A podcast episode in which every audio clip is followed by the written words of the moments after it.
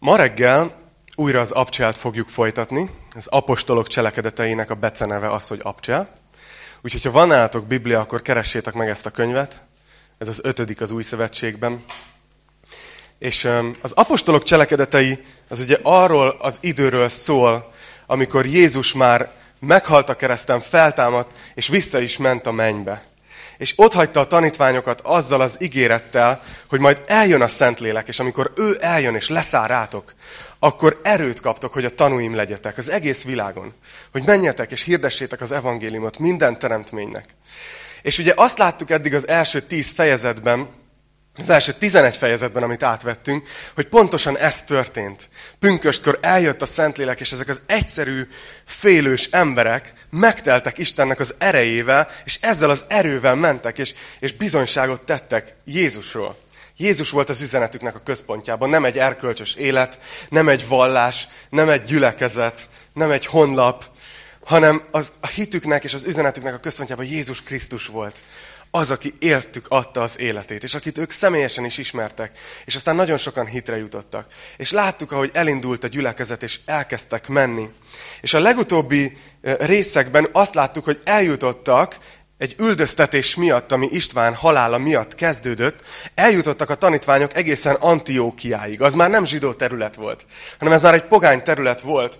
És elkezdték betölteni azt a nagy küldetést, amit Jézus adott, hogy menjetek el szerte a világra, és hirdessétek az evangéliumot minden teremtménynek. Azért mondom, hogy csak elkezdték, mert szelektív volt a hallásuk. Tudjátok, amikor megkérdezik a, a, a bácsit, hogy milyen a hallása, és azt mondja, hogy római katolikus. Tehát, hogy nekik is egy kicsit, mintha nem teljesen hallották volna jól, hogy, hogy mit mondott Jézus, mert azt hallották, hogy menjetek el szerte a világra, és hirdessétek az evangéliumot. De az valahogy lemaradt, hogy minden teremtménynek. Hogy ez az evangélium nem csak a zsidóknak szól, nem csak a, nem csak a jóknak, nem csak a vallások, nem csak az ilyen erkölcsös embereknek, hanem minden teremtménynek. És ezért csak a zsidókhoz beszéltek. De aztán szerencsére volt néhány migráns közöttük, néhány afrikai és néhány ö, ö, ciprusi ember, néhány tanítvány, akik amikor megérkeztek Antiókiába, akkor nem csak a zsidókhoz szóltak, hanem a görögökhöz is, aki a városnak a nagyobb része volt, görög nyelvű emberek, és nagyon sokan hittek az Úrban. Az Úr keze velük volt, ezt láttuk. És láttuk, hogy a gyülekezet Jeruzsálemből, amikor megkapták a fülest, hogy Antiókiában befogadták Isten igéjét, akkor elküldték Barnabást hozzájuk. Szükségük volt egy pásztorra, és Barnabást így elküldték, mert Barnabás egy olyan ember volt, aki amikor megérkezett, akkor nem azt mondta nekik, hogy ú, hát igen, örülök, hogy hisztek Jézusba, de azért nézzétek már meg, hogy mennyi minden van még az életetekben, amit meg kéne változtatni. Antiokia egy ilyen Las Vegas szintű hely volt abban a világban. Tehát, hogy gondolhatjátok, hogy ott az emberek hitre jutottak Jézusba, de nem cserélték őket ki egyik napról a másikra ilyen tökéletes, erkölcsös emberekre. Hanem valószínűleg sok minden volt még, amivel küzdöttek, amivel próbálkoztak, amiből próbáltak kijönni, vagy amiből nem is tudták, hogy ki kéne jönni. De Barnabás, amikor megérkezett, akkor azt olvasjuk, hogy ő azt látta, hogy Isten kegyelme mit végzett el ezeknek az embereknek már az életében. És ennek örült, és bátorította őket, hogy maradjanak meg az Úrban. Mert tudta, hogy akkor lesz változás az életükben, hogyha, hogyha megmaradnak az Úrban. Ha megmaradnak Jézusban való hitben. Úgyhogy Barnabás jött és bátorította. És aztán azt láttuk, és mindjárt elkezdjük a mai részünket, ez még itt az előző részek tartalmából, azt láttuk, hogy amikor Barnabás megérkezett, és elkezdte tanítani ezt a gyülekezetet, akkor érzékelte, hogy nagyon sok neki ez a munka. Nagyon kevés ő ehhez egyedül. És ezért eszébe jutott valaki, akit tíz éve nem látott ugyan, de emlékezett rá, hogy Isten azt mondta neki, hogy a pogányok között fogja használni. Egy zsidó farizeus, aki megtért, és utána rengeteg bajt okozott. És elment, és megkeresztett Tarzuszban Sault, és magával hozta Antiókiában, és egy egész évig azt, írt, azt olvastuk itt az utolsó versekben, hogy nagy sokaságot tanítottak együtt ott Antiókiában. És utána volt egy proféta, aki jött és megprofétálta, hogy egy éhínség következik Júdeában, Úgyhogy az antiókiai hívők látszik, hogy a hitük aktív volt, egyből tenni szerettek volna valamit a testvéreikért, úgyhogy szerveztek egy gyűjtést és az adományt a judeai testvéreknek, akiket legjobban érintett ez az éhínség, elküldték Saullal és Barnabással Jeruzsálembe. És itt hagytuk abba a 11. rész végén, és innen fogjuk folytatni a 12. rész elején. Úgyhogy a Biblia alkalmazást vagy a Bibliát lapozzátok oda, ha tudjátok, és kövessétek velem. Az első verset olvasom fel először. Azt mondja, hogy abban az időben Heródes király kegyetlenkedni kezdett a gyülekezet egyes tagjaival. Látjátok, hogy milyen a gyülekezet élete, hogy egyszer békeidő van, egyszer üldözés. Aztán megint békeidő, aztán most megint egy olyan részhez érünk, ahol kegyetlenkedni kezd a király, Heródes király a gyülekezet egyes tagjaival. Heródes. Mi jut eszetekbe erről a névről? Talán, talán eszetekbe jut, hogy, hogy volt egy Heródes, aki, aki minden két évnél fiatalabb csecsemőt megöletett Betlehem és környékén. Emlékeztek? Amikor Jézus született. Az a Heródes, az egy vérszomjas uralkodó volt. Óriásikat építkezett, de több feleségét megölette, amikor már nem, jól, nem volt elég jól rántotta, vagy nem tudom. Tehát ilyen mondva csinált okok miatt megölette a feleségeit, és, és egy nagyon durva ember volt. Ez a Heródes, akiről itt olvasunk, őt úgy hívják, hogy első Heródes Agrippa, és ő az unokája ennek a nagy Heródesnek, aki Jézus születésekor él. Ez unokája, de meg fogjuk látni, nem sokkal jobb. És egyben az unoka öccse annak, az, a Heródes Antipásnak, aki pedig megölette keresztelő Jánost. Talán emlékeztek. Szóval ez a brand, hogy Heródes, ez a család, ez egy milyen kis kedves cuki család, nem? Tehát, hogy megöletnek gyerekeket, megöletnek ellenségeket, és látni fogjuk, hogy ez a Heródes sem sokkal jobb. Felmerül a kérdése, hogy itt, itt azt olvasjuk, hogy, hogy kegyetlenkedni kezdett a gyülekezet egyes tagjaival, hogy miért? Mi bajuk volt mi baja volt a keresztényekkel? Mi baja volt Jézus tanítványaival? És az a helyzet, hogy a történelemből tudjuk azt, hogy semmi. Hanem egyszerűen egy olyan feszültség volt benne, amit, amit nem tudott kezelni. Heródesnek ugyanis az apukája az nem zsidó volt, az édesanyja viszont igen. És ezért őt a zsidó közösség soha nem fogadta úgy, hogy ő a miénk. Soha nem fogadták be, hogy te hozzánk tartozol. Őt viszont nagyon érdekelte a zsidó kultúra, nagyon érdekelte, és nagyon vágyott arra, hogy a zsidók, a vallásos zsidók, akik rendes zsidók, így befogadják őt, elfogadják, elismerjék, hogy ő is közéjük tartozik, hogy, hogy így szeressék, tiszteljék. Erre nagyon vágyott, de nem kapta meg. Ezért nagyon sokat dolgozott azon, hogy próbált fölszállni erre a szekérre, ami nem akarta felvenni. És Heródesnek erről szólt az élet, hogy így futott ez a szekér után, hogy a zsidók elfogadják. És így gondolkozott, hogy, hogy mit tehetne, hogy járhatna a zsidók kedvébe. Hogyan kedveskedhetne nekik. És látta, hogy hát eléggé ki vannak Jézus tanítványairól, úgyhogy azt gondolta, hogy ez egy jó kártya. Hogyha elkezdem a gyülekezetet kicsit piszkálni, annak örülni fognak a zsidók, szeretni fognak engem, tök jó. Úgyhogy ezért kezdett el kegyetlenkedni a gyülekezet egyes tagjaival. És nézzétek meg, hogy nem csak kegyetlenkedni kezdett, hanem, hanem, hanem egész durva dolgokig is elment. A második vers így szól. Jakabot, János testvérét pedig karddal kivégeztette. Tehát, hogy Heródes nem csak kegyetlenkedett, nem csak megnehezítette a, nem tudom, a egyházi bejegyzésüket, vagy nem tudom, hanem, hanem konkrétan az egyik apostol itt meghal. Jakab, János testvére Heródes kardjától hal meg. És ezen gondolkoztam egy kicsit, hogy milyen, milyen furcsa, nem? Itt van ez a testvérpár, Jakab és János. Róluk sokat hallottatok. Ők ketten és Péter, ők voltak Jézusnak a belső köre. A legközelebbi barátai. Ők voltak azok, akiket néha olyan helyre is elvitte, ahova a többi kilenc tanítványt nem. Például a megdicsőülés hegyén. Ők voltak ott, hárman. Jakab, János és Péter. Vagy amikor Jairus lányát feltámasztja, akkor mindenkit kiküld Jézus, és csak őket viszi magával. Ők voltak a, a belső köre. Őket, Jakabot és Jánost Jézus gyakorlatilag tinédzser korba hívta el. Nem tudom, hogy ti hogy gondoljátok így, kedves ifi szekció, hogy vajon a tanítványok azok ilyen, ilyen felnőtt emberek voltak-e. De az a helyzet, hogy Jézus tanítványának a döntő többségét Jézus tinédzser korba, tizenévesen hívta el és ezekkel a srácokkal fordította később fejre a világot. Szóval ne becsüljétek alá az életkorotokat, mert ti ma lehettek Jézus tanítványai. És Jakab és János ilyen tinédzserként kezdte el követni Jézust, és eleinte azért elég durvák voltak. Például volt egy samáriai falu, ami nem akarta befogadni Jézust. Így ment arra, utazott át, és nem akarták, hogy bejöjjön. És Jánosnak és Jakabnak volt egy nagyon jó ötlete, hogy mi lenne, ha csinálnánk egy ilyen barbecue-t, hogy hívjunk le tüzet az égből, és emészze meg az egész falut. Tehát ezek a srácok így kezdték. De aztán Jézus dolgozott bennük, és, és Jánosból a szeretet apostola lett. Vagy nem tudom, emlékeztek-e, amikor, amikor Jézus élete vége felé közeledik, és már elég sokat beszél arról, hogy a keresztre megy, akkor János és Jakab ilyen nagyon mély lelki érzéssel megkérik az anyukájukat, hogy menjenek, menjen már oda Jézushoz. Soha nem jó ötlet az anyukáddal elintéztetni valamit, oké? Okay? Mindenkinek mondom. Oda küldték az anyukájukat Jézushoz, hogy intézze el, hogy majd ők ülhessenek, Jézus királysága van a jobb és a bal keze felől.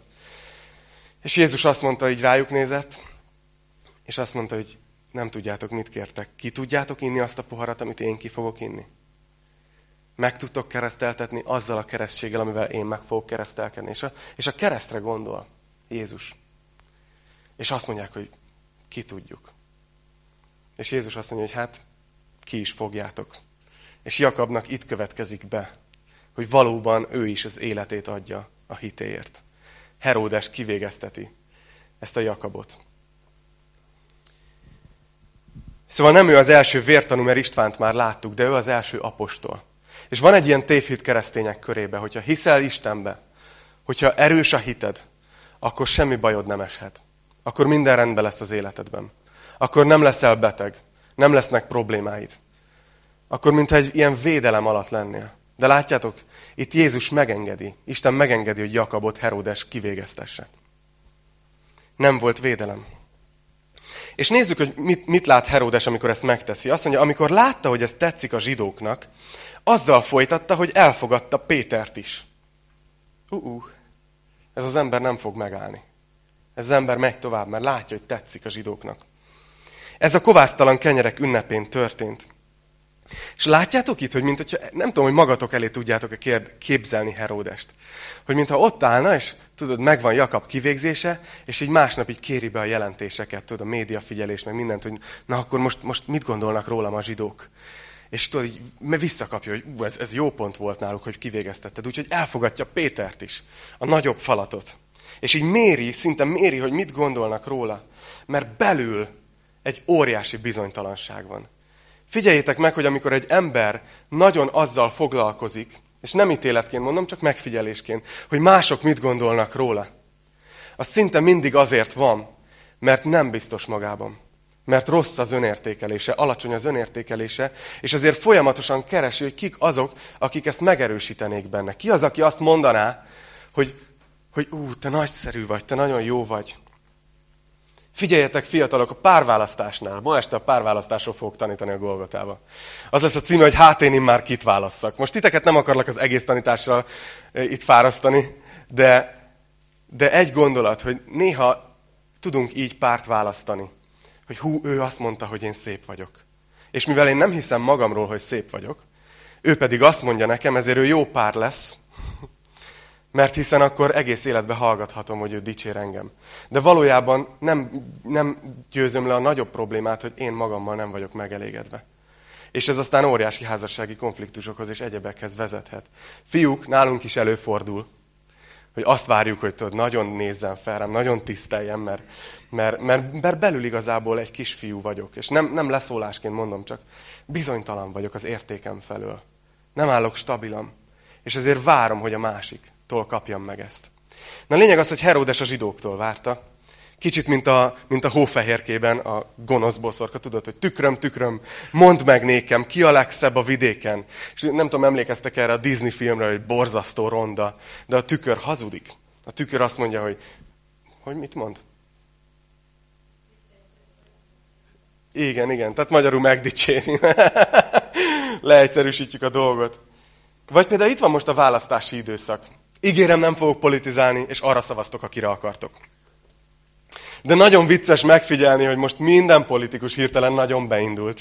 Most tele van videókkal a Facebook, igaz? Meg a YouTube. És mi, na, érezzük, hogy nagyon sok mindent csak azért tesznek most meg, hogy népszerűséget szerezzenek. És uh, most volt egy nagyon jó alkalom, mert kis tartsa felbojdult, mert, mert egyik nap Orbán Viktor elment Gödöllőre hévvel, és megállt kis tartsán. Az összes állomás közül kis tartsát választotta ki, és azt a hamburgerest, ahol mi is szoktuk venni a hamburgert, amikor nincs kedvünk főzni. És ott vett egy nemzeti sportot. Gondoljatok bele, az a pult, ami most ott van. És így az emberek így lájkolták, és mások meg közpénzt hozott magával, hogy fizesse, meg ilyen. Jöttek az undorító beszólások. De nem, lényeg az, tehát csak azt akarom, én, én, én itt tehát ne, nem Orbán Viktor ellen vagy érte akarok beszélni, csak hogy látszik, hogy most csomó olyan dolgot csinál mindegyik politikus, ami csak arról hogy megszerezze az embereknek a, a jó indulatát, mert két hét múlva eldöntik az emberek, hogy ki legyen a kormány. Szóval Heródes is így próbálja megszerezni, és amikor látja, hogy Jakab megölése tetszett a gyülekezetnek, akkor, akkor tovább akarja folytatni, mert megint megugrott a, a zsidók jó indulata, és ezért elfogadja Pétert. És ezt olvassuk. Miután elfogadta Pétert, börtönbe vetette, és átadta négy, egyenként négy tagból álló katonai őrségnek, hogy őrizzék. Mert a Páska ünnep után akarta őt a nép elé vezetni. Szóval látjátok, hogy Heródes politikus azt mondja, hogy elfogadom Péter, de még nincs itt az ideje. Ezt a foglyot majd az ünnep után vetem be, hogy, hogy akkor majd még jobban megugrik a, a népszerűségem. Sőt, még lehet, hogy a zsidók azt is észreveszik, hogy mennyire figyelek a vallási ünnepeikre. És, és látjuk ezt a dolgot, és azt mondja, hogy négy darab egyenként négy tagból álló őrségnek adja át. Tehát Péterre, aki nem egy, nem egy bűnöző, hanem egy egyszerű tanítvány, egy egyszerű halász, Péterre 16 ört állít Heródest. Ez miről beszél? Vajon mennyire bizonytalan Heródes? Vajon mennyire fél? Hogy mi van, ha ez nem jön össze? Mert hogy az, az ötödik fejezetben láttuk, hogy ezek az apostolok egyszer már voltak börtönbe, de éjszaka az angyal kimentette őket, és másnap reggel megint ott tanítottak a templomban. Tehát Heródes biztosra megy, és azt mondja, hogy no way, Péter, hogy innen kimenekülsz. 16 nem tonna, hanem őrt állít mellé, hogy így védjék. Heródes biztosra megy, és ha most megnézitek így emberileg a helyzetet, akkor azt mondanátok, hogy innen esélytelen kijutni, nem? Egy egyszerű halász vagy, bent vagy egy börtönbe, meg akarnak ölni, és 16 őr vigyáz rád.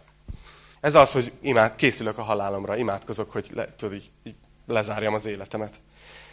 Emberileg nézve ennél lehetetlenebb helyzet nincs, de azt mondja az ötödik vers, hogy Pétert tehát a börtönben őrizték, a gyülekezet pedig buzgón imádkozott érte Istenhez. Látjátok, hogy Lukács fölfesti a két képet. Az egyik oldalon ott van Péter a börtönben 16 őrrel, leláncolva. És a másik képen ott van a gyülekezet, az pedig buzgón imádkozik érte Istenhez. A buzgón, ez a szó, amit ott használ a Biblia, az azt jelenti, hogy kinyúlni valamiért nyúlni valamiért addig, amíg, amíg el nem éred. Tudod, ahogy, ahogy a kisfiam próbál a konyhapultról levenni valamit, hogy és ha kell, akkor hoz egy sámlit, és próbálja elérni, és már az ujja vége éri. És ezt jelenti ez a buzgó imádság, hogy ők nem úgy imádkoztak, hogy hát urunk, hát ha úgy van nálad, és akkor menj ki Péter, áldott legyen a neved, hanem ők imádkoztak. Uram, törd le a láncokat, szabadíts ki Pétert, hozz vissza. Ők szenvedéllyel és buzgón imádkoztak. És tudod, lehet, hogy úgy vagy itt ma, hogy te vagy egy ilyen emberileg nézve lehetetlen helyzetbe. Hogy te érzed magad úgy az életbe valamiben, hogy 16 őr áll melletted, és le vagy láncolva, és nincs kiút. Lehet, hogy vagy, vagytok így itt ma. De jó tudni azt, hogy amikor a gyülekezet buzgón imádkozik, akkor, akkor a dolgok soha nem esélytelenek. Soha nem reménytelenek. Nem mindig az történik, amit szeretnénk, Jakab meghalt. De Péter nem fog. Mert a gyülekezet buzgón imádkozott. És tudjátok, ezért adjuk körbe az imalapokat, vagy mondom, hogy írjatok nyugodtan imát. Mert hiszünk ebben, hogy amikor buzgón imádkozunk, akkor Isten, Isten cselekszik. Isten tesz dolgokat. Azt mondja, amikor Heródes elő akarta vezettetni, azon az éjszakán Péter két bilincsel megkötözve két katona között aludt. Az ajtó előtt pedig őrizték a börtönt az őrök. Micsoda kép, nem? Nem tudom, hogy ti hogy vagytok ezzel, hogy, hogy szoktatok-e olyat, hogy nem, nem jól alszatok, nem nyugodtan alszatok. Jellemzően én például, amikor, amikor olyan utazok a munkám miatt, és, és amikor korai gépen van, akkor az előző éjszaka szinte mindig azt álmodom, hogy lekésem, tudod? Tehát, hogy nem csörög az órám, és fölkelek, és már elkezdődött a becsekkolás, és hol a bőröndöm, és próbálom össze, és indulok a reptére, és, és, és defektet kapok, és, és így pont így becsukódik előttem, és mondják, hogy bocsánat, tudod, és így elkések. Szinte mindig, és akkor erre így uh, fölébredek, és ó, oh, de jó, még van öt órám a gépig, tudod, és akkor így megnyugszok.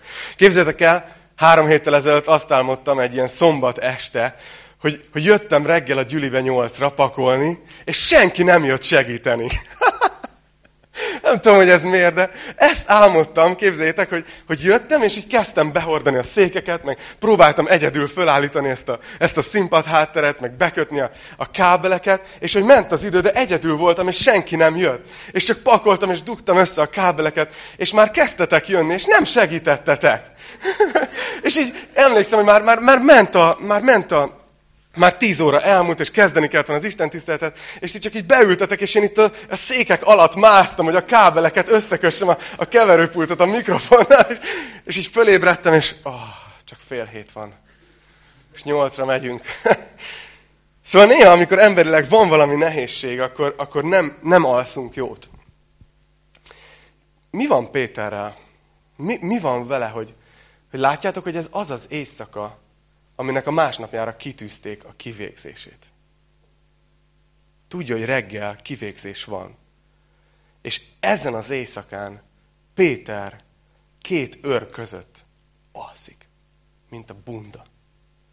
Milyen békessége van ennek az embernek? Honnan szedte? Hogy tud aludni ilyen helyzetben? Mi, mi volt a fejében, amikor elaludt? És én két dologra tudok gondolni. Vagy az, hogy eszébe jutott, amikor Jézussal utoljára beszélgetett fizikailag. Amikor ott, ott voltak a tó partján, és Jézus kérdezte, miután feltámadt, hogy Péter, szeretsz engem? És azt mondta, hogy tudod, Uram, hogy szeretlek. És háromszor megtörtént. És a Jézus azt mondja, hogy Péter, amikor fiatal vagy, akkor te övezed fel magad, és odamész, ahova akarsz. De amikor megöregszel, Jézus nem azt mondta, hogy ha, amikor megöregszel, akkor más övez téged, és odamész, ahova nem akarsz. És lehet, hogy Péter egyszerűen tudja, hogy Jézus neki beszélt arról, hogy ő meg fog öregedni. És lehet, hogy Péter úgy fekszik le aludni, hogy hát itt most úgy tűnik, hogy kivégzés lesz, de biztos, hogy nem, mert Jézus megígérte, hogy megöregszek. Tehát elég vicces lesz nézni, hogy Isten hogy szabadít meg, úgyhogy jól kipihenem magam. Vagy, vagy lehet, hogy csak egyszerűen úgy volt, mert azért tanítványoknél feledékenyek voltak, nem tudom, hogy ez eszébe jutott-e, amit, amit Pál is ír, és, és talán mi is így élünk. Pál azt mondta Róma 14.8-ban, hogy, hogy mi akár élünk, akár meghalunk, az úré vagyunk. Hogy valójában szinte mindegy, hogy mi lesz. Hogy mi lesz. De lényeg, hogy Péter a kivégzése előtti éjszakán alszik, mint a bunda. Hogy meglássátok, hogy mennyire aludt. A következő rész, az szerintem az abcsel legviccesebb része. Ne haragudjatok, valószínűleg sokat fogok nevetni, mert e- ezt, hogy így olvastam, így egyszerűen nagyon, nagyon, nagyon vicces. Tehát Péter ott alszik két őr között, és azt mondja a hetedik vers, íme az úrangyala odalépett hozzá, és világosság támadt a cellában. Nem tudom, hogy ti hogy vagytok vele, hogyha egy, alszotok, és egyszer csak így, pum, így fölkapcsolnak egy ilyen reflektort, akkor fölébrednétek-e? Én biztos. Egy nagy világosság támad. Mennyei világosság támad ebben a börtöncellában. Péter így nézi az angyal, tudod, így fölkapcsolta a fényüzemmódot, vagy nem tudom, cs, nagy világosság, és Péter meg alszik tovább, semmi nem történik. Úgyhogy az angyal tovább megy, azt mondja, hogy az oldalát meglökve felébresztette Pétert. Péter nem ébredt föl a fényre. És az angyal azt mondja, hogy na hát akkor Peti, tudod, elkezd így bögdösni. Ébredj már föl.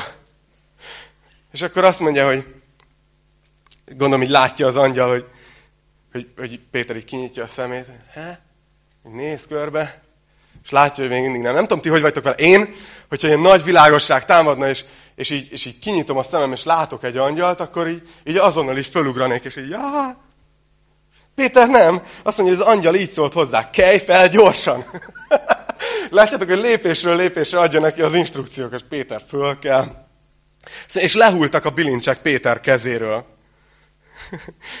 Na, itt már biztos felébrednék, de úgy tűnik, hogy Péter nem. Azt mondja, ezt mondta neki az angyal, övezd fel magad, és vedd fel a sarudat.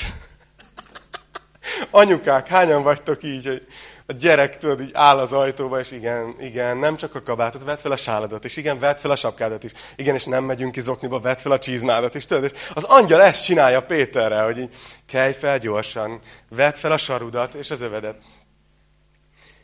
És, és, és, a, és a legdurvább, azt mondja, Péter megtette. És mi van még egy, azt mondja, pedig az angyal ezt mondta utána neki, vedd fel a felső ruhádat. És, tehát ezen a ponton jöttem rá, hogy eddig Péter ott áll fulkómásan, egy saruba és egy övbe, és így áll, hogy akkor most mi van.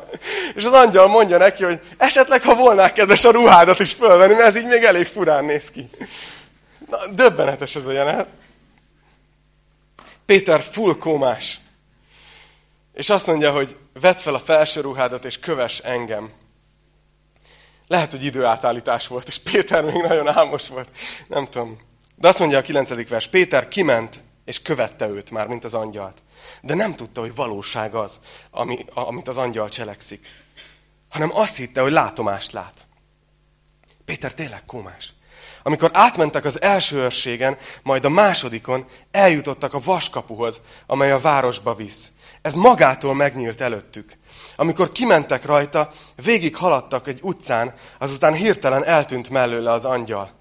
Ekkor Péter magához tért. Nem tudom, lehet, hogy volt útközben egy Starbucks, vagy nem tudom valami, de ezen a ponton tér Péter magához. És így szólt, most tudom igazán, hogy az Úr elküldte az angyalát, és kimentett engem Heródes kezéből, és mindabból, amit a zsidó nép várt. Na, hát ez egy ilyen rész, de van egy nagyon nagy tanulság nekünk ebben. A mi Istenünk az egy szabadító Isten. Nem mindig szabadít ki minket földi nehéz helyzetekből, de néha igen. És néha szerintem beleesünk abba a hibába, hogy, hogy Isten ki akar minket szabadítani, de mi ott érezzük magunkat a börtön cellában, és Isten azt mondja, hogy kelj fel, mert kiviszlek innen, és mi nem kelünk fel, mert azt mondjuk a fejünkbe, hogy de hát ott van az a vasajtó. Ott van az az akadály, az, az, azon úgy se fog tudni átmenni, hogy kár a gőzért. Kár egyáltalán felkelnem. Kár egyáltalán felöltöznem. Kár egyáltalán megtennem az első lépést, mert úgyis el fogok akadni a hatodiknál. Mert ott van a vaskapu. És annyira tetszik nekem, hogy Péternek semmi más dolga nem volt, mint megtenni azt az egy-egy pici lépést, amit az angyal mondott neki. Egyszerre csak annyit, hogy övesz fel magad, vedd fel a sarudat, vedd fel a felsőredet, köves engem. És ahogy Péter elindul, és föl kell, nem maradott fekve, hanem jön, és megy az angyallal, a kapu magától kinyílik. És szerintem az életben velünk is így van. Sokszor az van, hogy Isten csak egy lépést mutat. Nagyon mélyen vagy. Úgy érzed, hogy ott fekszel egy börtön cellába, és Isten csak egy lépést mutat. Csak annyit mond mondjuk, hogy bocsáss meg. Csak engedd el, akárki bántott meg, és akármilyen durván, és akármivel. És csak ezt az első lépést tedd meg. És azt mondod, hogy nem bocsátok meg, mert, mert úgyis utána nem, nem fogok tudni talpra állni és boldogulni. De ez csak így működik Istennel, hogy egy lépést megtesszük, amit mutat, és az ajtó pedig magától kinyílik. Gyönyörű kép. És Péter kimegy ebből a 16 katona közül. És, és szabad. Na, itt jön a, akkor a gyülekezet. Amikor ezt felismerte, elment Mária házához, aki a Márknak is nevezett János anyja volt, itt sokan voltak együtt és imádkoztak. Tehát Péter azt mondja, hogy kiszabadított Isten, akkor megyek, ahol a tanítványok vannak, és találkozok velük. Biztos, hogy imádkoznak, értem. És itt jön a második vicces jelenet. Amikor megzörgette az ajtót, oda ment egy Rodé nevű szolgáló leány. Valaki keres gyereknevet? Ez szép ez a Rodé. Nekem tetszik. Egy Rodé nevű szolgáló leány, hogy megtudja ki az. Megismerve Péter hangját, örömében nem nyitotta ki a kaput, hanem beszaladt, és hírül adta, hogy Péter áll a kapu előtt. Most képzeljétek el a jelenetet. Oké, okay, ima alkalom. Együtt ülnek, és könyörögnek. Buzgon könyörögnek. Urunk, te vagy az Isten, te vagy a nagy. Imádkozunk Péterért, hogy tört szét a láncait, hogy szabadítsd ki őt a börtönből. Hogy, hogy szabadítsd ki, hogy lássa meg az egész nép, hogy te vagy az Isten, és imádkoznak, megy az ima alkalom. Buzgon megy. És egyszer csak kopogtatnak az ajtón. És kimegy a szolgáló leány, és azt mondja, hogy ki az, és azt mondja, hogy Péter, és oda megy, és mondja a többieknek, hogy képzeljétek, Isten meghallgatta az imánkat, itt van Péter az ajtóba, annyira örül, hogy elfelejti kinyitni az ajtót, visszamegy és mondja az ima alkalomon ülőknek, hogy, hogy itt van Péter a kapu előtt, de azok azt mondták, elment az eszed. És így gondolom visszafordultak, hogy, hogy Urunk, szabadítsd meg, tört szét a láncokat, és imádkoztak tovább. És nem hiszik el, hogy Isten válaszolt. Mennyire olyanok, mint mi. Annyira tetszik nekem az abcsel. Ezek se voltak olyan matyó hímzés hívők. Hát nem lehet, hogy Péter itt van, hát Péter börtönben van, hát azért van ima alkalom. Úgyhogy folytatják az imát. És nagyon tetszik nekem, figyeljetek, hagyd bátorítsalak titeket ma reggel az imádkozással kapcsolatban. Mert az imádkozás az egy olyan dolog, amivel olyan könnyen lelkiismeretfurdalást tudnak nekünk csinálni mások. Vagy mi is magunknak, nem is kell más. Eleget imádkozol? Elég mély az ima életed? Oda szánod az időt? Hittel imádkozol? Tudod, és így jönnek ezek a kérdések. De tudjátok, mit látunk? Hogy a gyülekezet hite csak annyiban nyilvánult meg, hogy összejöttek imádkozni. Valójában el se hitték, hogy Péter ki fog szabadulni. De volt annyi hitük, hogyha Istenhez kiáltunk, az jobb, mint ha nem csinálunk semmit. Csak egy mustármagnyi hit. És Jézus azt mondta, hogy ha van valakinek egy mustármagnyi hite, az volt a legkisebb mag abban a régióban, én azzal már hegyeket tudok mozgatni. Csak egy icipici bizalom Istenben. Csak egy icipici olyan, hogy Uram, cselekedj, és hegyeket tud mozdítani. Itt, itt Isten nem azért szabadítja ki Pétert, mert a gyülekezet annyira hisz, hanem annak ellenére, hogy nem igazán hisz. És ez annyira bíztató, ahogy így a saját ima életemre gondolok. Lehet, hogy vagytok, akik azonosultok még ezzel. Szóval képzeljétek el a jelenetet, ott van az ima alkalom, Rodé jön, hogy Péter itt van az ajtóba, és azt mondják neki, hogy elment az eszed. Szóval ő azonban bizonygatta, hogy úgy van. Azok erre így szóltak, itt jön a teológia, az ő angyala az. Nem igazán Péter tud. És itt jön a legviccesebb vers. Péter azonban tovább zörgetett. Beengednétek végre. Tehát az történt, hogy Péternek könnyebb volt a börtönből kijutni, mint a gyülibe bejutni. Nézzétek meg, nagyon durva. És akkor, amikor kaput nyitottak, és meglátták őt, elámultak. Akkor intett nekik a kezével, hogy hallgassanak, mert hirtelen így, á, Péter, hello, te vagy az ül. És mindenki így hangoskodott, és intett nekik, hogy éjszaka van, tudjátok. Én a börtönbe kéne lennem. És elbeszélte nekik, hogy hogyan vezette ki az úr a börtönből.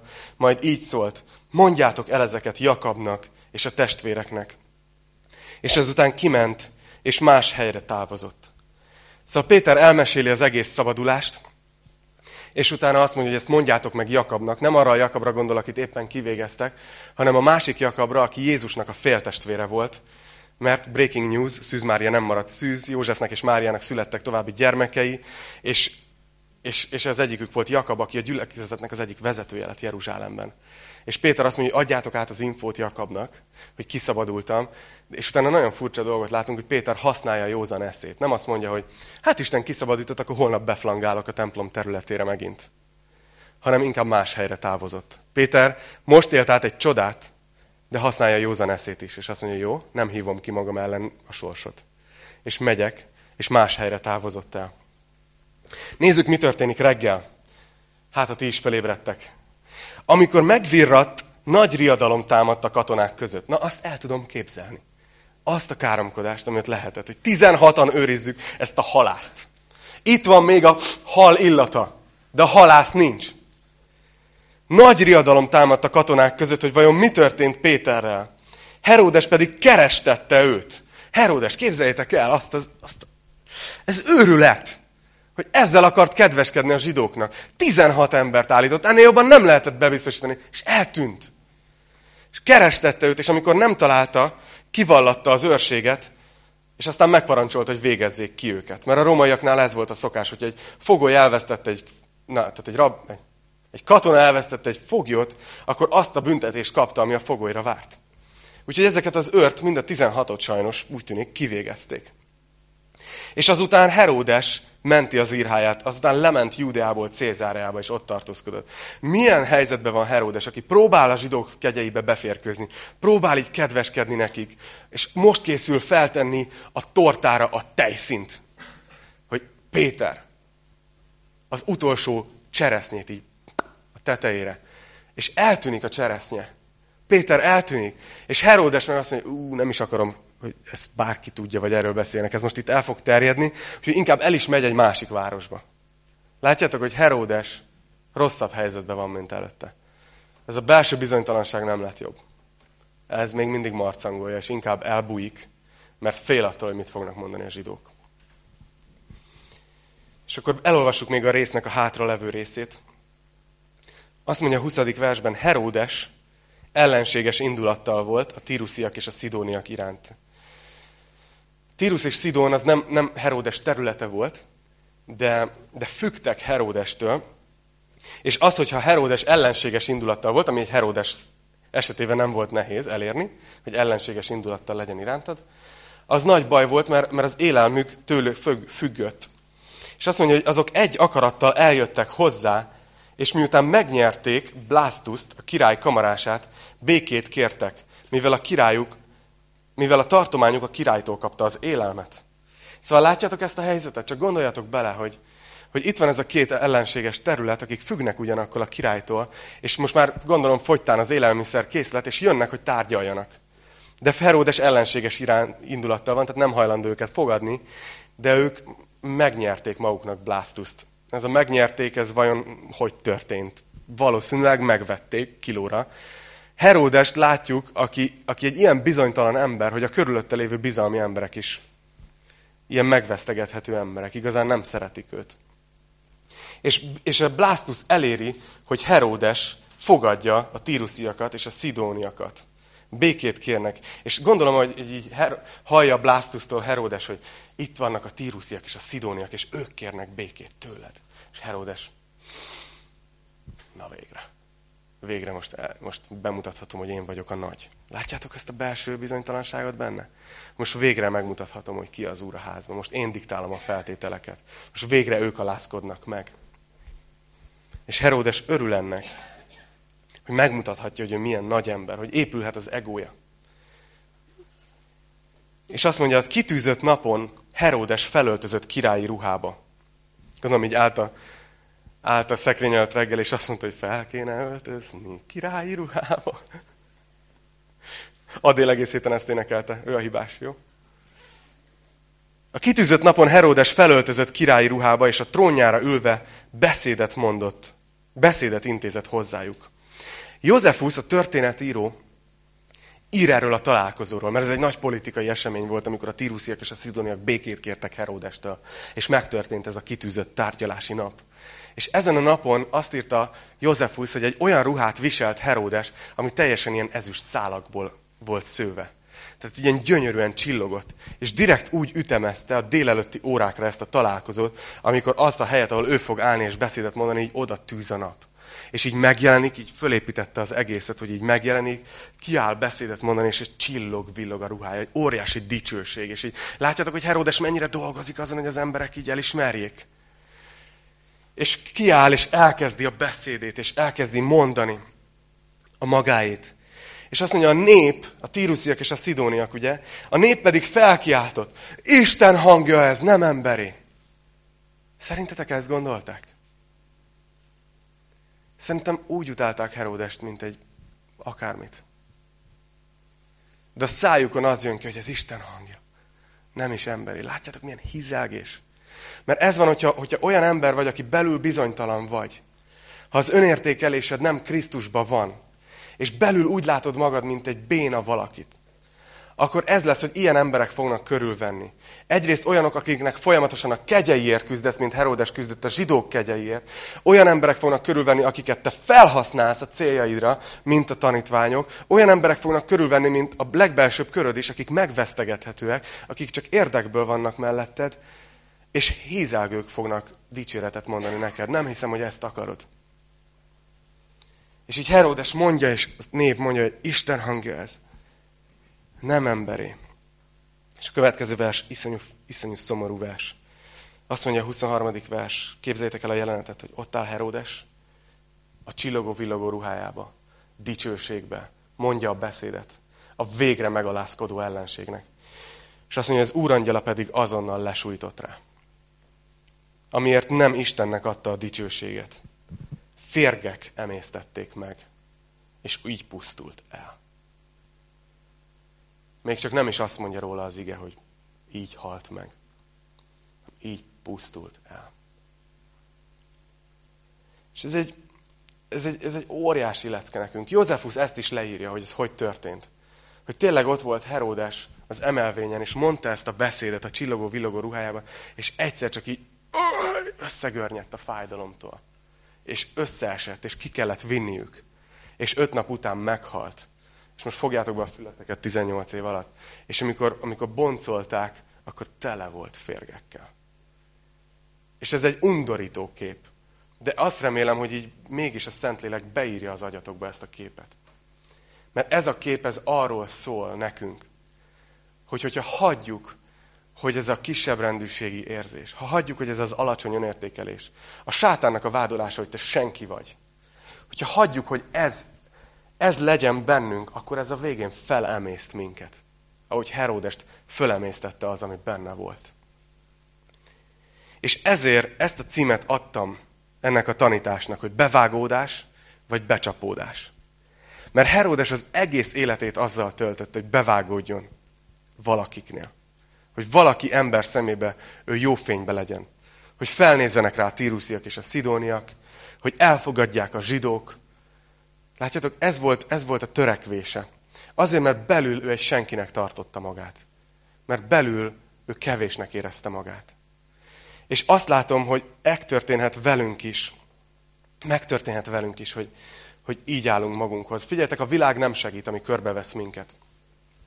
A világ nem segít, mert onnantól kezdve, hogy ovisok vagyunk, kapjuk a fekete pontokat, kapjuk a kosarakat, kapjuk az visszautasított álláshirdetéseket, kapjuk a lenéző tekinteteket, kapjuk a lealázó véleményeket. Mindenki ebben a teremben tudja, hogy miről beszélek. Pontosan tudjátok. És az a nagy kérdés, hogy ennek a hangnak adsz a fejedben mikrofont. Tudjátok, néha itt állunk, és valaki beszél, és nem halljátok, és átadjuk a mikrofont. És kinek adsz? Ennek adsz, ennek a hangnak adsz mikrofont az életedben, vagy átadod a mikrofont Istennek, aki azt mondja, hogy íme az én szeretett fiam, akiben gyönyörködöm. Íme az én szeretett lányom, akiben gyönyörködöm. Hogy átadod-e Istennek a mikrofont, aki azt mondja, hogy tudod, a világ azt mondja rólad, hogy értéktelen vagy. De nézd meg, hogy én mit adtam oda, érted? A legértékesebbet, a, a fiamat adtam oda, érted? Szerinted értékes vagy a szemembe, vagy nem? Hogy odadod-e Istennek a mikrofont, hogy azt mondja, hogy mielőtt az anyamében formálódtál, tudtam rólad, és csodálatosan alkottalak meg. Hogy az, amilyen te vagy, hogy milyen mentális képességekkel, milyen személyiségjegyekkel, milyen fizikai megjelenéssel rendelkezel, az nem véletlen. Te egy mestermű vagy. Isten szemében. És tudjátok, mi történik? Amikor elhisszük azt Istennek, hogy a fiamat odattam, és meghalt a kereszten, és ha te bízol benne, akkor az én szememben igaz vagy. Én úgy nézek rád, mintha soha semmi bűnt nem tettél volna. Persze mindketten tudjuk, hogy tettél, meg teszel is. De én úgy döntöttem, hogy a fiam miatt úgy nézek rád, hogy nincs bűnöd. És hogyha odadod Istennek a mikrofont, és ezt hallgatod, ez fog megerősíteni belül. És hirtelen nem akarsz emberek kegyeiért küzdeni. Hirtelen egy módon nem érdekel, hogy mit gondolnak rólad. Egy egészséges módon. És kapsz egy lehúzó valamit, és nem döngöl bele a földbe. Mert, mert Isten, akinek a véleménye mindenkinél fontosabb, ő azt mondta, hogy értékes vagy. Heródes ezt nem lépte meg egész életébe. És nekünk ezt kell erősíteni, és nagyon tetszik. Zsidókhoz írt levél szerzője ír arról, hogy a kereszténységen belül is van rengeteg tévtanítás. És azt mondja a 13. részben, hogy ne engedjétek magatokat a tévtanításoktól így befolyásolni. És azt mondja, hogy mert az a jó, ha kegyelemmel erősödik meg a szív. Ne hagyjátok magatokat befolyásolni olyan tévtanításokkal, hogyha elég jó az életed, hogyha eleget jársz gyülekezetbe, hogyha eleget adakozol, hogyha nem teszed meg azt a tíz dolgot, ami erre a don't do listára fel van írva, akkor majd jó leszel Isten szemében. Ne engedd magad tévtanításoktól befolyásolni. Az a jó, hogyha kegyelem erősíti meg a szívedet. Ha az erősít meg, nem az, amit letettél az asztalra, hanem amit Krisztus letett a keresztre. Az életét. És ezt szeretném így a szívetekre helyezni, hogy ebben a hétben talán, talán ezt keressétek, hogy, hogy ha, ha, ha embereknél akartok bevágódni, akkor az becsapódás. Becsap titeket az ellenség. De adjátok oda Istennek a mikrofont. És hallgassátok meg, hogy ő mit mond rólatok. Az utolsó versek, az úrigéje pedig egyre szélesebb körben terjedt. Barnabás és Saul miután elvégezték a szolgálatukat, visszatértek Jeruzsálemből, és magukkal vitték Jánost, akit Márknak is hívtak. Imádkozzunk. Atyám, köszönöm neked azt, hogy, hogy te benned mi egész emberek lehetünk. Köszönöm, Uram, hogy úgy nézel ránk, mivel, mivel a hitünket a megváltóba helyeztük. Te úgy nézel ránk, mint hogyha nem lenne semmi bűnünk. Köszönjük, hogy megigazítottál, hogy igazzá tettél minket a te szemedben. És dicsőítelek téged, Jézus, azért, hogy, hogy vállaltad ezt. Hogy te nem foglalkoztál még azzal se, hogy, hogy, hogy olyanokat mondtak rólad, hogy megszállott vagy. Nem foglalkoztál azzal, hogy azok a teremtmények, akikért eljöttél, megfeszítettek. Te odattad az életünket, mert annyira biztos voltál az Atya szeretetében, és, és megváltottál minket. És szeretnélek kérni, hogy segíts nekünk megerősödni ebben a kegyelemben, Uram. Imádkozom a testvéreimért ebben a teremben, és azokért, akik az interneten nézik. Uram, hogy legyünk manipulálhatatlanok az emberek véleménye által. Uram, segíts, hogy meg tudjunk gyökerezni és megszilárdulni a Te szeretetedben. Hogy semmi más hangnak ne adjunk mikrofont az életünkben. Imádkozom azért, hogy tölts be minket a lelkeddel, hogy mehessünk és hirdethessük a Te nevedet, az evangéliumot ebben a szükségben lévő világban, Uram. Nem úgy, mint felsőbbrendűek, hanem mint akik megtalálták a megváltót, és akarjuk, hogy mások is megismerjék. A Te nevedben imádkozunk, és mindenki, aki velem együtt értett ebben, mondjuk együtt azt, hogy Amen. Amen. Hát köszönöm a figyelmeteket, és most pedig azzal fogjuk folytatni, amivel, amivel szoktuk minden héten folytatni. És vannak szokások, amikre, amikre szerintem büszkék lehetünk. És az egyik ilyen, hogy mindig visszatesszük magunkat nullára. És mindig megerősödünk abban, hogy Jézus értünk halt meg. Erről szól az úrvacsora. De aztán rájövök mindig, hogy nem nekem kell erről beszélni, hanem Horog Gergőnek. És még csak egy dolog, hogyha van bárki itt a teremben, vagy az interneten, aki hallotta ezt a tanítást, és most először értette meg, hogy Isten nem jó embereket keres, hanem olyan embereket, akik elfogadják Jézus Krisztus áldozatát. És te egy olyan ember vagy, aki szeretnéd ezt, ezt a döntést meghozni. Akkor kérlek, hogy keres meg engem, vagy beszélj valamelyik vezetővel. És szeretnénk veled együtt imádkozni ezért. És még elköszönök azoktól, akik a neten néztetek minket, legyen Istentől áldott vasárnapotok, és imádkozzatok buzgón, hogy jöjjön a tavasz. Sziasztok!